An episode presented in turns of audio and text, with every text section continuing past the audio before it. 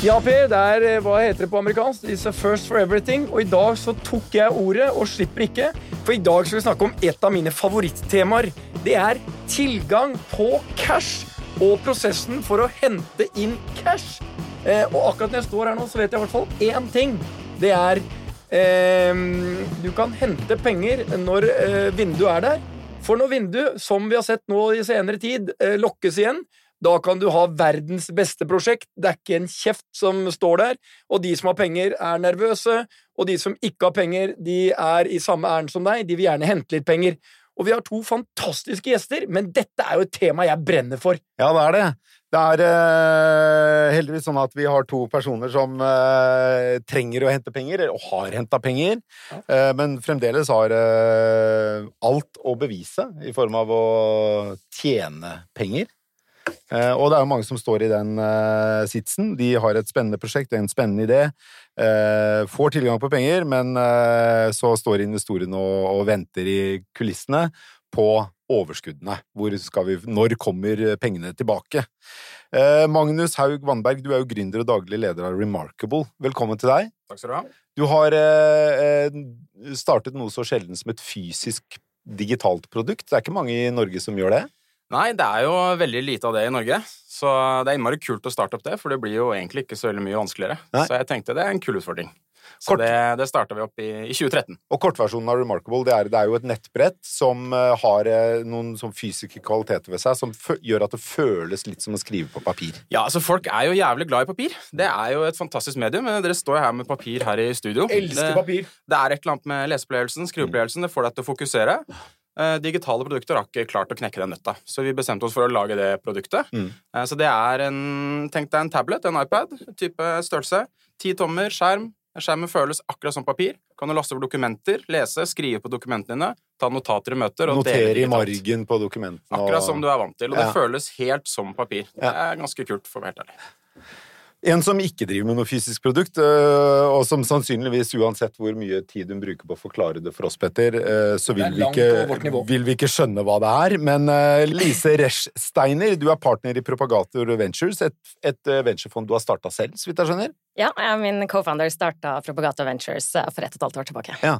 Og hva er det eh, Prøv å forklare det sånn at Petter og jeg og forhåpentligvis lytterne skjønner hva det er du driver med. Ja, eh, vi investerer i tidligfase deeptech-selskaper. Ja, der falt jeg. Deeptech. Ja. er du med? Ja, jeg er med. Jeg er med. Deeptech. ja. AI, eh, dette er jo mitt område. Not.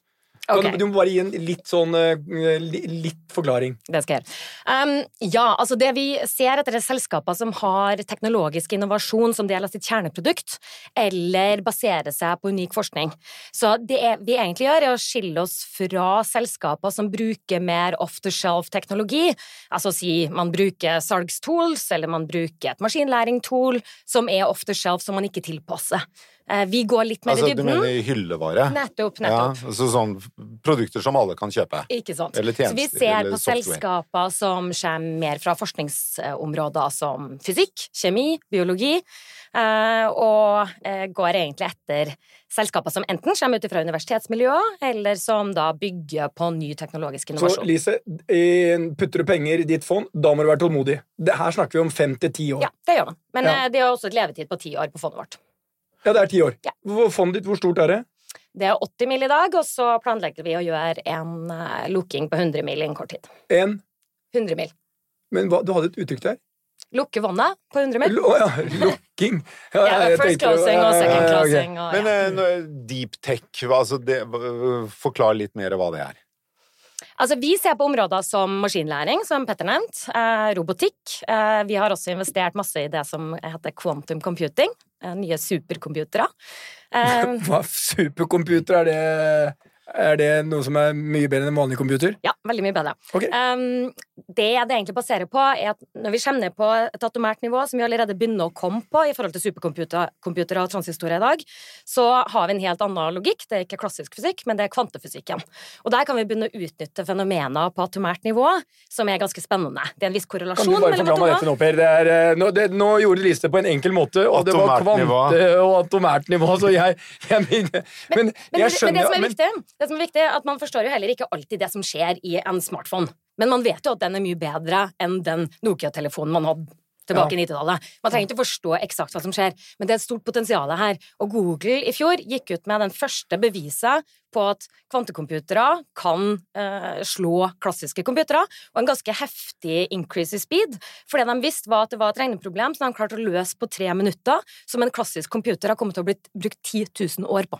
Nå, nå, føler jeg liksom at, nå føler jeg at det jeg driver med, liksom, å få folk til å sove godt i en seng og gir i frokost, blir veldig enkelt. Ja, det- Altså, business min, liksom, Businessmodellen er liksom sånn Det er litt gammeldags, kan du si. Litt, står her og ser på Lise og tenker sånn Fy fader! Det der lærte jeg ikke på Kjøpmannsinstituttet. Det, liksom, det er det lengste du kommer bort fra piffikrydder og frukt og grønt fra Bama. Men det er, det er eh, liksom, raskere datamaskiner og, og datamaskiner eller teknologi som, som er lærende, sånn at en kan forbedre prosesser over tid. Er det den type ting Ja, lærende, det er jo mer maskinlæring. Ja. Eh, men det er rett og slett regnekapasitet og regnemulighetene på kvantecomputere som er spennende. Ja. Så en ting som vil definitivt stå i fare, er jo de krypteringsalgoritmene som vi bruker i dag. Eh, fordi at med en så krass eh, størrelse på regnekapasitet, så vil vi kunne bryte dagens krypteringsalgoritmer. Men, men jeg har bare et spørsmål til deg. Det, blir veldig komplisert for meg. Hvordan klarte du å hente 80 millioner kroner basert på de greiene der? Jeg ville sannsynligvis uh, mista liksom øh, litt sånn øh, lysta innledningsvis. Og du må åpenbart selge godt, og du må åpenbart ha noe som er ganske unikt. Du har henta 80 millioner, skal hente 100 til. Det er jo, begynner jo å bli store penger. Hvem Ikke 100 til, 20 til. 20 til. Hvem, men, det er norske kroner. Hvem Mm, ja. um, er det som investerer i fondet ditt? Um, Gi meg en gjennomsnittlig investor til deg som, som øh, putter inn penger. Det er norske family offices, eh, private profesjonelle investorer, som ser at vi har en unik posisjonering og et unikt nettverk internasjonalt som gjør at vi kan ta en posisjon og investere i denne type selskaper. Jeg vet at kvantum kanskje virker litt ekstremt, eh, men vi har også andre ting som er mye mer forståelig, som maskinlæring og robotikk. Det som er fantastisk med den kvantuminvesteringa som vi gjorde allerede før vi starta fondet, det er at den har gjort det særdeles bra og fått inn veldig store internasjonale investorer. Henta en 21 mill. US dollars Series A-runde mm. når vi var i gang med fundraisinga. Ja, ok. Men eh, de, de 80 millioner kroner har dere hentet inn. Er det, er det penger dere nå har investert i norske teknologimiljøer, eller har Eh, ikke Vi ser definitivt på norske selskaper, men vi har et mandat om å investere i de beste teknologiske selskapene internasjonalt. Da må vi gå etter internasjonal forskning og internasjonale teams. Det har ført til at så langt har vi kun investert i utlandet. USA, Canada, Storbritannia og nå Danmark. Så vi kommer nærmere igjen og håper vi kan gjøre investeringer i Norge snart. jo, selv om det er eh, Vi må komme tilbake til deg, eh, Magnus. Fordi det, du har jo fått investeringer fra et selskap som heter Spark Capital. Det er et amerikansk Er det et venturefond? Det er et venturefond, og så er det et vekstfond. De har vel eh, ganske mange milliarder dollar i under forvaltning. Ja. Så vi, når vi lanserte Remarkable Vi hadde jo en sånn eh, forhåndssalgskampanje i 2016 som vi lanserte. Det var før produktet var ferdig, men vi tenkte vi skulle selge det før det var ferdig. Det kan jo være bra business for å få inn apropos det Petter snakka om, cash. Så vi fikk jo inn eh, en del cash på det. Uh, og da var Spark en av de første som kjøpte. Så de hadde begynt å bruke det, hele den partnergruppa i Spark Capital. De var superfascinert, så de ringte oss og sa at dette her er jo veldig kult. Så tok de og kom over og besøkte oss, og de var veldig gira. Eh, Og så tok det faktisk nesten to år fra de besøkte oss første gang, til vi landa den Series A-en vår som kom i, i juli, Mm. på 15 millioner eh, dollar. For det handler om å bygge tillit og relasjon. Det var viktig for de. Men du, du har tatt deg syv år. Yes. Hvor mange nettbrett har du solgt? Snart 200 000. Wow! 200 000. ja. Men når du begynte sammen med noen kollegaer i 2013, hvor lang tid så du for deg at du skulle bruke da at du var oppe og gikk? Her må du være ærlig, vi skal jo lære litt her nå. Ja, ja, ok. Vi har jo Um, sagt her tidligere i podden at det tar tre ganger så lang tid og koster tre ganger så mye penger, Ja. eh, og problemene er tre ganger så store. Det, Det- er den berømte pi-effekten. Yes. Gang alt med pi, og del eh, liksom inntektene på pi, så er det i nærheten av nå noe som er fornuftig. Ja, det stemmer nok skummelt bra. Jeg, her om dagen så titta jeg på Det første investormøtet vi gjorde, da var vi helt tidlig i fase, og da lagde jeg et, eh, er tidligere konsulent, så jeg lagde en powerpoint-presentasjon. Ja, du er tidligere BCG. Ja, Dette er liksom eh, eh, Formel 1-gutta. PowerPoint-nerd. Ja, ja, Ja, litt sånn nerd på det der, så alt er jo slides for oss. Så jeg lagde en sånn Her er vi om ett år, her er vi om to år, her er vi om tre år, ikke sant? Og så mye skal vi tjene da og da. og Dette er sikkert sånn som ja, du får, som jeg har sett mye. Men, eh, og da var det jo typisk sånn Vi er i markedet om tre år, og så har vi vokst så og så mye om fem år. Um, og så ble det ikke akkurat ni år til markedet, da, men eh, det drøya. Det drøya en stund. Um, vi var jo, vi starta i august 2013, og vi hadde det første produktet ut døra Uh, september uh, 2017, så det var, det var fire år. Eh, Det er imponerende. Det er ikke så verst. Ja, men time to market på fire-fem år, det er jo imponerende. det er ikke så verst. Og så da var vi jo bare knapt ti stykk eh, som klarte å sette sammen det første produktet. Hvor mange er det nå? Nå er vi 110, cirka. Lages disse her i Norge? De lages i Kina. I Kina. Eller, ok, det designes, alt designes i Norge. Vi Ja. har eh, vårt eget eh, fysisk design, mekanisk design, elektrisk design, eget operativsystem. Men nå tenker vi på den fysiske delen.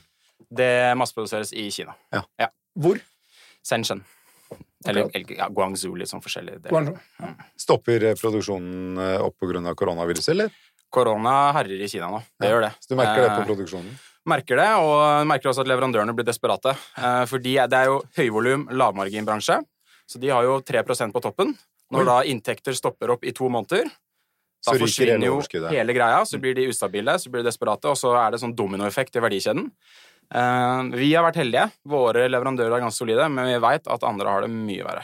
Men det, til det med mm, Jeg har lyst til å ta litt tilbake til det Lise snakket om. At uh, Lise, du sier dere har til nå ikke investert noe i, i uh, norske teknologimiljøer. Eh, det er jo et ganske internasjonalt miljø, det her. Sånn, Lise går til USA og Canada for å investere med, med norske Family Office-penger. Eh, du har eh, startet noe her i Oslo, men får eh, kapitalen din fra USA. Samtidig så er det jo en økende konkurranse om de gode prosjektene. Renta er basically null. Så det er jo en knallhard jobb for dere, Lise, å finne selskaper eller personer eller miljøer å investere som ikke andre også syns er interessant å investere i. Absolutt. Eh, adverse selection, som vi kaller det, er alltid et problem som vi må ha i bakhodet. Det at man ender opp med eh, den siste uh, ja, bunnslammen, da, som ingen Ja. andre har lyst til å ta tak i. Eh, så det er jo alltid noe man er bevisst på. Så man er veldig opportunistisk når man går fram, særlig kanskje i Nord-Amerika. Eh, vi bruker jo nettverket vårt der med eksperter og eh, professorer etc. til å plukke opp ting tidlig, men man skal være veldig forsiktig med å passe på at man har fått riktig tilgang og, og riktig access til riktig tidspunkt, og at man ikke ender opp med eh, selskaper som ingen andre ønsker å ta i. Men Lise, du er jo sånn som eh, føler sånn Kunne du Du eh, henter jo inn penger fra eh, Family Offices og alle andre i Norge og investerer de. Kunne du investert i et nettbrett? Eller er det for enkelt for deg? Er det for basic? Altså, vi har jo valgt noen spesifikke investeringshypoteser som vi ønsker å holde oss til, som vi bruker nettopp også for, for å være sikre på at vi gjør de riktige valgene. Og da har vi professorer i de forskjellige feltene som vi går inn i, som hjelper oss å gjøre de vurderingene. Nå er ikke nødvendigvis elektronikk og mer B2C innenfor vårt investeringsmandat, eh, men altså eh, All kudos uh, til Remarkable consumer, og Magnus. Eh, kjempebra jobba også det å hente inn kapital fra Spark Capital. Nei, men det, det skal man ikke undervurdere. Jeg syns man i Norge noen gang har litt for snevert perspektiv. Og Mm. det å kunne hente internasjonal kapital, det er helt riktig. Dere opererer jo like mye internasjonalt som vi gjør. Det er jo Mm. ikke et norsk nettbrett som skal selges til norske kunder.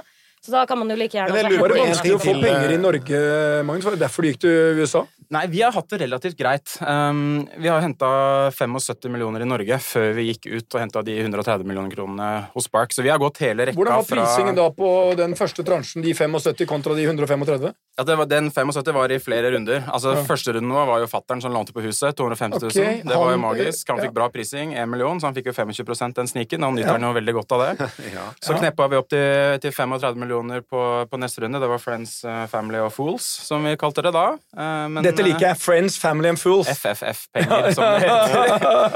Eh, Fordi det er ingen organisert aktør som går inn så tidlig med den riskprofilen. Og så henta vi Family Offices i Norge. Der henta vi eh, rundt eh, 63. Eh, Det var ikke Fools. Det var, var veldig oppegående folk som hadde trua, trua på oss. Så totalt sett rundt 75, før vi da lukka med, med Spark i fjor. Faren din har jo gjort en helt eventyrlig reise her. Har han solgt noe? Han, eh, vi har ikke solgt så mye aksjer ennå. Vi har veldig troa på fremtiden, så alle sitter og ruger litt. Men det er klart på den siste verdsettelsen til Spork, så ble vi verdsatt en milliard, så nå har pappa satt av på 25% og litt utvanna nå, så det er klart han, han smiler jo litt i skjegget. Han sitter på 150-200 millioner. Han. Han eh, Ja, det, ja. Han, han sitter godt i det nå. Og så er det jo dette papirpenger. Og det er det som er refte, altså, som Liss sier, at eh, det her er høyrisk. Nei, nei, nei, men Eh. altså papirpenger altså, Hvis et proft fond går inn, og du verdsettes til 1 milliard, så er ikke dette papirpenger. Dette er ordentlige penger. Hvor mye penger sitter faren din på? Et par hundre millioner. Hvorfor selger ikke han 25% eller 50 En ting som er viktig å vite, og det er Er, en av er de låst inn? Ja, det er delvis låst inn, Ja. eh, og det er egentlig en bra ting. Eh, Vi ønsker at folk skal binde seg litt til masta her. Fordi Spark, når de går inn på 1 milliard Stakkars, han kan få ut liksom 50 millioner. Ja, men pappa, han er mest glad i å gå på ski og slappe av. Han, han, eh, han har det veldig fint, tror jeg. Men Spark de vil jo ha? De vil ha alle opp på 20X. sant? Det, det er målet. Så de ville ha oss opp på å være den første norske unicornen. Det er jo målet til Spark. å gjøre Bare, det. bare sånn, Enhjørning. Enig, men, ja. men det er et selskap som nå har vært 1 milliard dollar. Ja, og er privateid. Ja, syv, eh, åtte eh, Åtte og en halv, nesten ni ganger er vel nå eh, den prisen du har i dag. Ja, er- Da er fattern din milliardær. Han blir jo fort det, ja. Ja, det, det er bare enkelt regnestykke. Tenk på det, han, han satt der da og knuga og var i den der første kategorien. Fattern. Han var ikke engang i Friends and Fools, han var bare fattern. Og så plutselig ble han milliardær. Det er en FD òg. Ja. Du, eh, Lise, når du, når du eh, investerer i et amerikansk eh, tech-miljø eh, som er svært, utrolig mange aktører, og eh, mange er svært dyktige på det de gjør. De, er, de kan teknologi, de kan finans, de kan investeringer. Hvordan klarer dere å følge opp de investeringene dere gjør i USA? Eh, Vi følger opp egentlig kun i en kort fase. Eh, Så vi går ofte inn som første investor, eller gruppa første investorer, og holder da eh, hendene til gründerne og hjelper dem så godt vi kan i forhold til rådgivning på kommersialisering, særlig kanskje på det å hente inn videre kapital, på å hente inn talent etc. Men så er det ganske naturlig at uh, vi fra en Series A for eksempel da Hva er eh, en Series A? det varierer litt i USA, så er en Series A i øyeblikket på noe mellom 10 til 20 mill. US dollars. I Norge så vil det nok være litt lavere.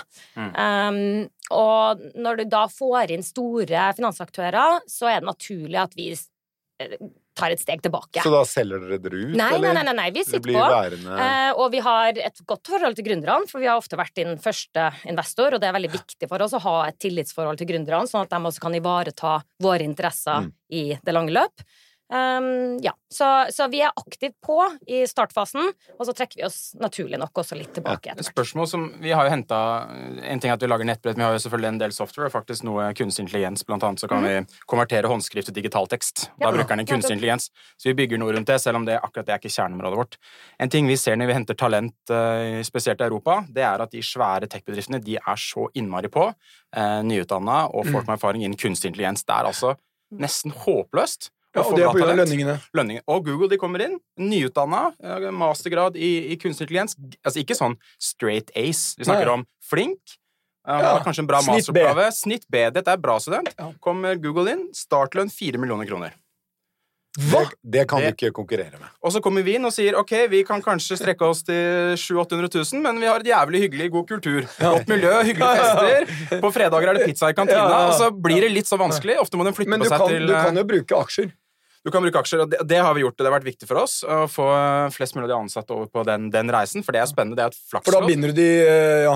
Ja, Binding er én ting, men du får det eierskapet Ja. eh, til at liksom, hvis det går bra med oss, så går det bra med deg.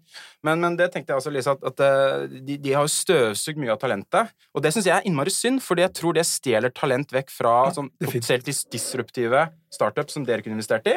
Så kommer de store og støvsuger inn sånne svære eh, avdelinger med 100 Og så jobber de på søkealgoritmer til Google eller Ja. Facebook, eh, facial recognition-greier, som er greit. Men det blir ikke revolusjon av det, tenker jeg. Jeg er helt enig. Det har vært et stort problem, og ikke bare et problem for uh, små startups, men også fra universitetsmiljøer, akademiske miljøer, PhDs, som ikke blir værende i forskninga. Så det vi har sett selv i USA, er vel ofte at uh, det er en del professorer også som har spinna ut selskaper selv, sånn at de kan ivareta det talentet, og heller sette den beste PhD-ene sine på å starte et selskap og ha eierskap til det, som du sier. Så tror jeg også etter hvert nå at vi begynner å se ganske mye intern kritikk også, uh, av smarte folk som jobber i de store konsernene, som syns en del ting ikke er så bra. Det har vært ganske mange walkouts i det siste Men dette er jo Google eh, oss, Dette er noe av kapitalismens uh, brutale side. Det at det er en sånn 500 pound gorilla som eh, Google, de støvsuger markedet. Så det er noe man må forholde seg til. Ja. Men altså, bortsett, altså, hvis man ser på Oslo kontra Stockholm eh, Dere har jo begge liksom, eh, utgangspunkter i Oslo. Eh, og bortsett fra Friends, Family and Fools, så når de er ferdig med og du skal hente penger Hvorfor valgte dere Oslo, ikke Stockholm? Altså, Stockholm har jo enorm tilgang på kapital. Ja, det, jeg kan jo svare, Jeg kan ikke svare for deg, liksom, men øhm, Jeg har jo bodd i USA, eh, studert der. Eh, Syns det er veldig bra land, men altså, drømmen min fra jeg var liten, det var jo å jobbe i en av disse store selskapene. Apple, eh, Google, eh, Microsoft Altså disse store selskapene som lager produkter som jeg beundrer. De er jo ikke i Norge. Jeg er veldig glad i Norge. Eh, glad i å bo her. Liker eh, ha familien min her, venner, alt. Så tanken bak Remarkable var rett og slett det å kan vi gjøre og lage et sånt kult selskap her i Norge? Kan du få den følelsen av å jobbe i en av de store selskapene i et selskap i Norge? Så vi, vi tok den utfordringa og prøvde å bygge det opp her i Norge. Det er klart um, Sverige de er jo dobbelt så mange. Uh, jeg tror ikke svensker er noe uh, spesielt uh, noe dårligere enn nordmenn. De er jo like gode. Da er det dobbelt så stor talent pool å rekruttere fra. Samme også med andre steder. I USA er det jo over 300 millioner mennesker. Du kan tenke deg å legge ut en stilling der, og de har jo mye eh, større sannsynlighet for å flytte på seg for å ta en jobb. Hvis du bor i Chicago, veldig- veldig, du får en jobb i San Francisco, da bare flytter Flytter, du. ja. Hvis du bor i Bergen, flytter til Oslo for en jobb, det sitter langt inne. Spesielt hvis du har familie. Så det er mer oppoverbakke. Vi har tre måneders oppsigelse i Norge. I USA to uker. Så det tar tid å bygge opp i Norge. Du må Det går litt saktere. Men det vi har som ikke amerikanerne har, for eksempel, det er en lojalitet ofte. Folk er ofte lojale. De blir. Lønningene på ingeniørtalent, for eksempel, er litt lavere her enn USA, så du kan få noen andre fordeler eh, med på kjøpet hvis du velger riktige folk. Men eh, så for oss er det sånn passion. Kan vi skape dette her fra landet som vi kommer fra? Hvem er den typiske kjøperen av et eh, remarkable nettbrett? Et, ja, på kundesida. Vet du hva, det er Det er egentlig folk litt sånn som oss, hvis jeg kan uh, ymte frampå det. Litt sånn folk som hva vi kaller working professionals. Eh, det er folk som eh, tenker for a living, rett og slett, eventuelt også og prater. Folk som har møtenotater, dokumenter de skal lese, ting de skal ha gjort, problemer de skal løse. Eh, Jeg skal kjøpe nettbrett, altså fordi at jeg bruker masse papir. Ja. Og jeg skriver masse. Ja. Og nå tenkte jeg, jeg har gjort det i sånn notatblokk, tenkte jeg, det der er noe for meg. Ja, ja, men det er bra. Ja, men da Det er jo katastrofe på å skrive på maskin. det, det vi ser Vi gjorde en ganske stor kampanje i 2017 en, en som vi kaller Get your brain back. Og en, en ting er at papir er, er et, et bra materiale, det føles godt, men det vi ser, er at folk sliter med å fokusere eh, og konsentrere seg på jobben. Det er så mye smarttelefoner, sosiale medier, e-post Det er så lett å bare stikke på nettavis eller Facebook. Sånn. Så hvis du skal sette deg ned og løse et skikkelig vanskelig problem Nå skal du sitte i to timer og bare tenke på dette problemet. Det er så lett å bare forsvinne ut. Så Remarkable-brettet det er bygd, bygd på liksom, ja, papirfølelsen, men også papir tvinger deg til å fokusere. Så på vårt brett så er det ikke noe nettleser, ikke noe e-post, ikke noe sosiale medier. Det tvinger deg inn til siden til tankene dine, da. Så ja, det er folk som liker papir, de er målgruppa, men også de som skulle ønske at de kunne fokusere mer, som sliter med fokus og konsentrasjon. Hva koster et sånt brett, da? Det koster eh, ja, litt forskjellig valuta, da, men det koster ca. 4000-5000 kroner i Norge. Ja. Mm. Så det er ikke Det er ikke så gærent. Nei, det, det Nei, det er jo ikke billig, men det er ikke En- så en dyrt heller. Det er jo en tredjedels liksom- mobiltelefon. Ja, ja. Jeg tenker, Hva er prisen for å konsentrere seg mer på jobben? Det kan jo være bra business case på en sånn investering. Liker vi oss i, da. Veldig spennende. Um, hva er, hvis du ser uh, propagator Propagator? propagator. Uh, fem år eh, down the road, uh, Lise. Hvor er dere da? Eh, Da har vi ferdiginvestert fondet vårt, og så venter vi på å få exits inn. Ja. Exits, altså at dere har solgt Nettopp. investeringene. Ja, ikke om fem år alle, men da begynner vi vel etter hvert å se at de tikker inn. Ja. Så du, du vokser ikke, du skal ikke hente mer penger? Det blir jo et nytt fond i så fall. Ja, men du, du tenker jo at det er jo veldig vanlig at man har flere fond. og- Nettopp. nettopp. Det er det som er standardløpet. Men man skal bevise seg med første fond først, og så kommer man ut og henter kapital til neste. Remarkable, hvor er du? Om fem år om fem år har vi, ifølge planene våre, så kan du ta pi-effekten, da. Men da er vi på 1 milliard dollar i omsetning. Det er målet I vårt. omsetning. Så vi skal på 20-gangeren. Um, Og tjener én milliard kroner. har du titta i dokumentet? Nei, vi, eh, det er eh, Vi skal du, Vi snakket innledningsvis om dette med å tjene penger. Én ting er å ha inntekt, men også på bunnlinja. 10% 10% er jo snittet for Ja. Consumer Electronics, cirka. Eh, Vi har enda høyere ambisjoner enn det, for så vidt, for vi mener at vi er først og best i denne kategorien. Da er du en dobbel unicorn og verdt eh, 15-17 milliarder. Men det som er enda kulere enn det, det er om, om, om fem år så er målet vårt at uh, over seks millioner mennesker har kjøpt et Remarkable-brett og tenker bedre. Og det er litt kult å tenke på at en norsk bedrift, altså Oslo og Norge, seks millioner mennesker på møterom og på pulter og i, i sofaer der folk sitter og tenker og løser problemer og skisser, der er det en, et brett som får deg til å tenke litt bedre. Det syns jeg er like kult. Men du som tenker veldig mye, Magnus. Hvis du når de tallene, hvor mange selskaper i norsk historie eh, har, er du i selskap med da? Jeg veit ikke, altså. Det er utenfor olje og fisk. Ja, ok. Ekskluder oil and gas og fisk. Nei, det, det veit jeg ikke. Jeg, jeg tror eh, det er Hardware is hard, som vi liker å si. Hardware is hard. Men jeg kan si Eh, selskapet er Jo, jo, jo. Men, men, men, la meg fullføre på den, fordi eh, hvis, hvis du er i det for penga aleine, og du sikter på penger som mål, så kommer du til å feile, for det er for hard. Det er for langt fram til de penga. Så jeg starta i 2013, og om fem år er det 2025. Det er for mange år til de som er motivert av penger. De detter av løpet når det blir tøft, eh, når du får motgang, når du ikke klarer å hente penger, om det er tidligfasen som Elise eller seinere. Du detter av, for du har ikke kjærlighet eh, til det du gjør. Du har ikke en visjon. Eh, Vår visjon er å få verden til å tenke bedre. Så vi er seige. Så hvis vi fokuserer på å få folk til å tenke bedre, skape, fokusere på å skape verdi for kundene våre, og bygge en jævlig organisasjon med en god kultur, og finne gode investorer som å være med på reisen og tro på oss, så kommer penga.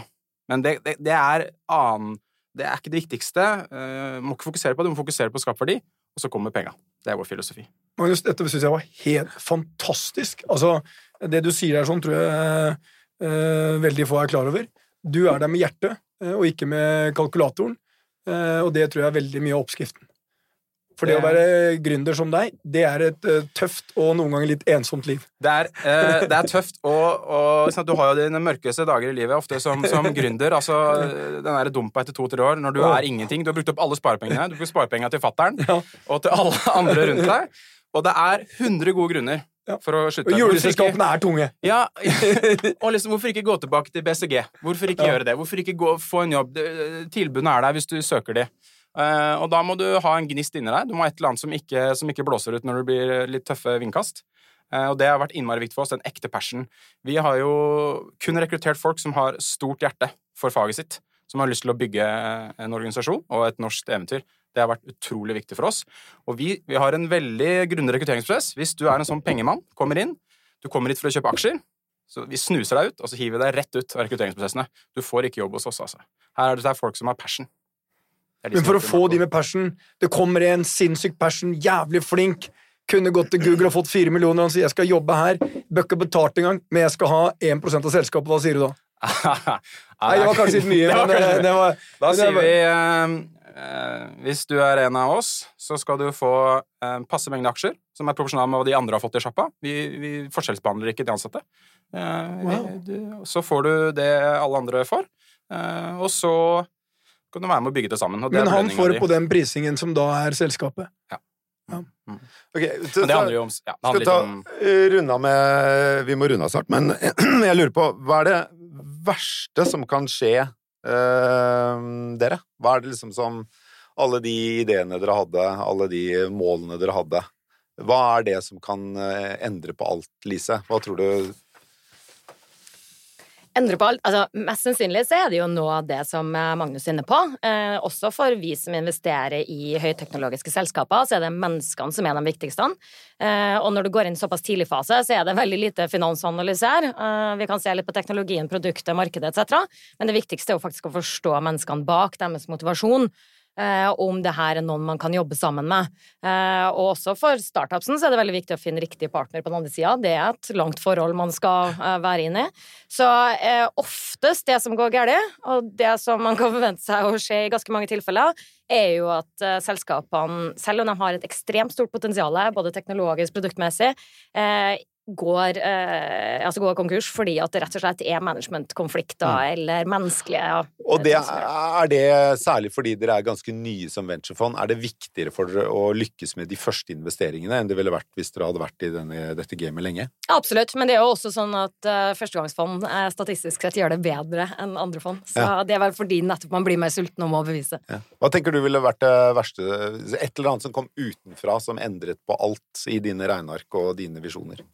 Altså, i, I vår bransje så er man alltid eksponert. At det kommer et eller annet. Kanskje Apple har Det blir en kopi som er nesten lik. Ja, eller, eller kopi skal vi klare. Fordi kopi, apropos ikke ha gnist i hjertet Folk som kopierer for a living, de har ikke noe Men hvis gnist i Google plutselig kommer med sitt uh, Remarkable Ja, eh, 2.0 Hvis noen av de store har et eller annet hemmelig prosjekt de har hatt gående i kjelleren, Ja. og kommer ut med det, og har satt 1000 mann på det, der vi er først 10 og så 100, så er det ikke umulig, men da er det trått. Så, så Men det, mest det sannsynlig så kjøper de deg, da, for de sparer tid på det.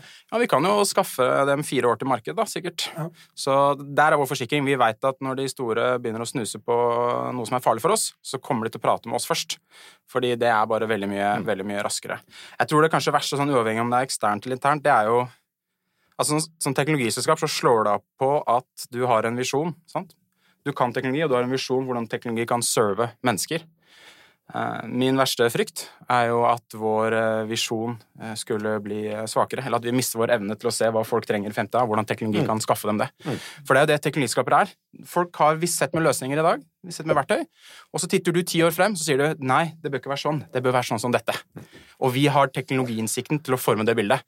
Hvis den kursen er feil, det er det, er det verste. Det er den Nokia-feilen, at de trodde at folk ønsket taster på telefonen, og ikke en skjerm hvor de kunne så de, de ble for stuck i gammel modell i, Mm. i, i hvert år å oppdatere, og de ble jo helt sikkert uh, de, de hadde jo verdensherredømme på et tidspunkt, og da glemte de at uh, noen altså må ha ståkontroll på kursen til sjappa, og må, må forestille seg noe bedre enn det du har i dag. Så vi håper å utkonkurrerer oss sjøl i fremtida, at ikke det blir noen andre. da. Ok. Lykke til med det. Eh, Lise, li, eh, skal du si noe på slutten? Jeg bare tenkte å ta øh, Jeg følte liksom det var tid for å ta Vi har jo fått spørsmål om vi har noen investorråd, og da tenkte jeg skulle ta de her nå. Ja. Dette er med inspirasjon fra Lise og Magnus, så kommer da investorrådene. Det er én, og det er mer basert på akkurat det når Lise begynte å prate. Invester i de tingene du kan forstå. Derfor, ikke investere i kryptovaluta hvis ikke du skjønner en dritt av det, som få skjønner. Eller du kunne bare stoppet ved ikke investere i kryptovaluta. Ja, eh, jeg syns det bare er noe tull. Um, Punktum etter det. eh, nummer to eh, Cash is still king. Eh, eh, du kan ha verdens beste idé. Går du tom for cash, går du tom for alt. Og det er begrensa hvor mye family, friends and fools kan gi deg. Og så er det tål risiko. Um, du må sove godt uansett, for det kommer alltid en sort svane. Akkurat nå heter den koronaviruset, men det har kommet noen innimellom. Og så tar jeg og smeller på en runde også med gründerråd her, og der skal jeg bare ha ett råd. Lytt til hva Spol tilbake og lytt til hva Magnus sa. Hvis ikke du har med deg hjertet, hvis ikke du har en bra kultur, så kommer det over tid til å gå galt, for det som forandrer verden, det er de som er der for mer enn bare penga. Lykke til, Lise Rechsteiner i Propagat Er det Propagator Ventures? Det er Propagator eller Propagator. Ja, og Magnus Haug Vannberg i Remarkable. Vi snakkes igjen neste uke. Det gjør vi.